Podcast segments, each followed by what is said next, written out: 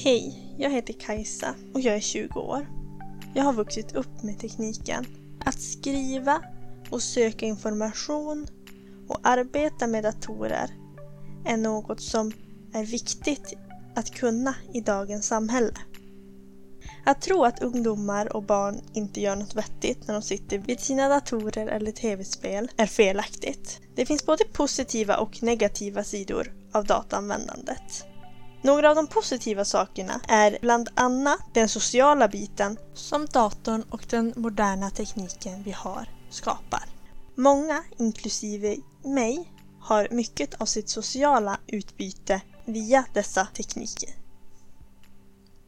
Jag använder tekniken för att hålla kontakten med bland annat mina barndomsvänner. Men även för att träffa nya människor och skapa nya kontakter med personer som delar mina intressen. Tekniken ger också människor möjligheten att utforska och förbättra sånt de redan är bra på eller intresserade av att lära sig. Det är lätt att hitta information och instruktioner, vare sig det är i textformat eller videoformat.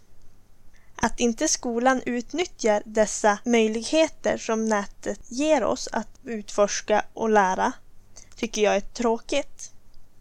Det har aldrig någonsin varit lättare för människor att prata med andra människor runt om i världen.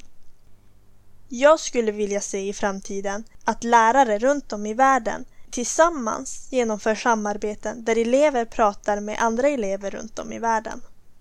Och på så vis kan lära sig om språk, om kultur, om religioner med mera. Jag tycker skolan borde utnyttja det uppslagsverk som vi faktiskt har bokstavligen, vid våra fingertoppar. Och en grupp som verkligen borde pusha för det här är just lärare. Men som jag nämnde tidigare så finns det också negativa saker med den nya tekniken. En sak som många vuxna oroar sig för är att barn och ungdomar sitter stilla för mycket. Stillasittandet i vårt samhälle är ett problem. Men inte enbart hos barn och ungdomar utan även hos vuxna. Vad är egentligen skillnaden mellan barnens och ungdomarnas dataspelande, dataanvändande och de vuxnas tv-tittande på kvällen? Lösningen tror jag ligger i att skola och föräldrar hjälps åt att skapa ett intresse hos barnen att röra sig på olika sätt. Ett annat orosmoment handlar om det sociala. Många vuxna oroar sig för att den sociala biten ska skadas av dataanvändandet.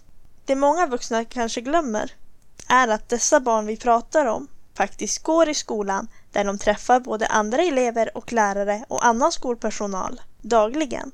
Där de tränar på den sociala biten. Att dessutom de här sociala medierna eller tekniken som de använder också är ett socialt nätverk gör att även när de sitter hemma vid sina datorer så tränar de på att vara social. Bara på ett annat sätt.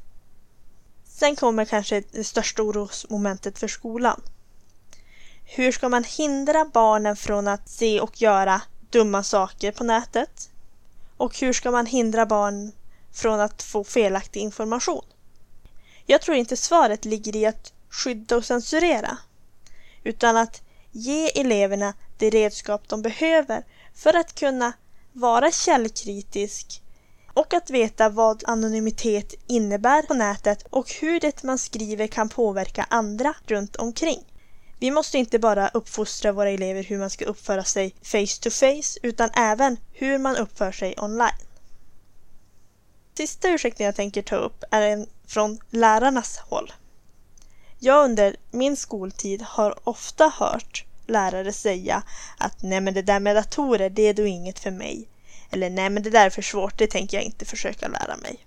I läroplanen 2011 står det att skolan ska främja elevens utveckling och lärande samt ett livslång lust att lära.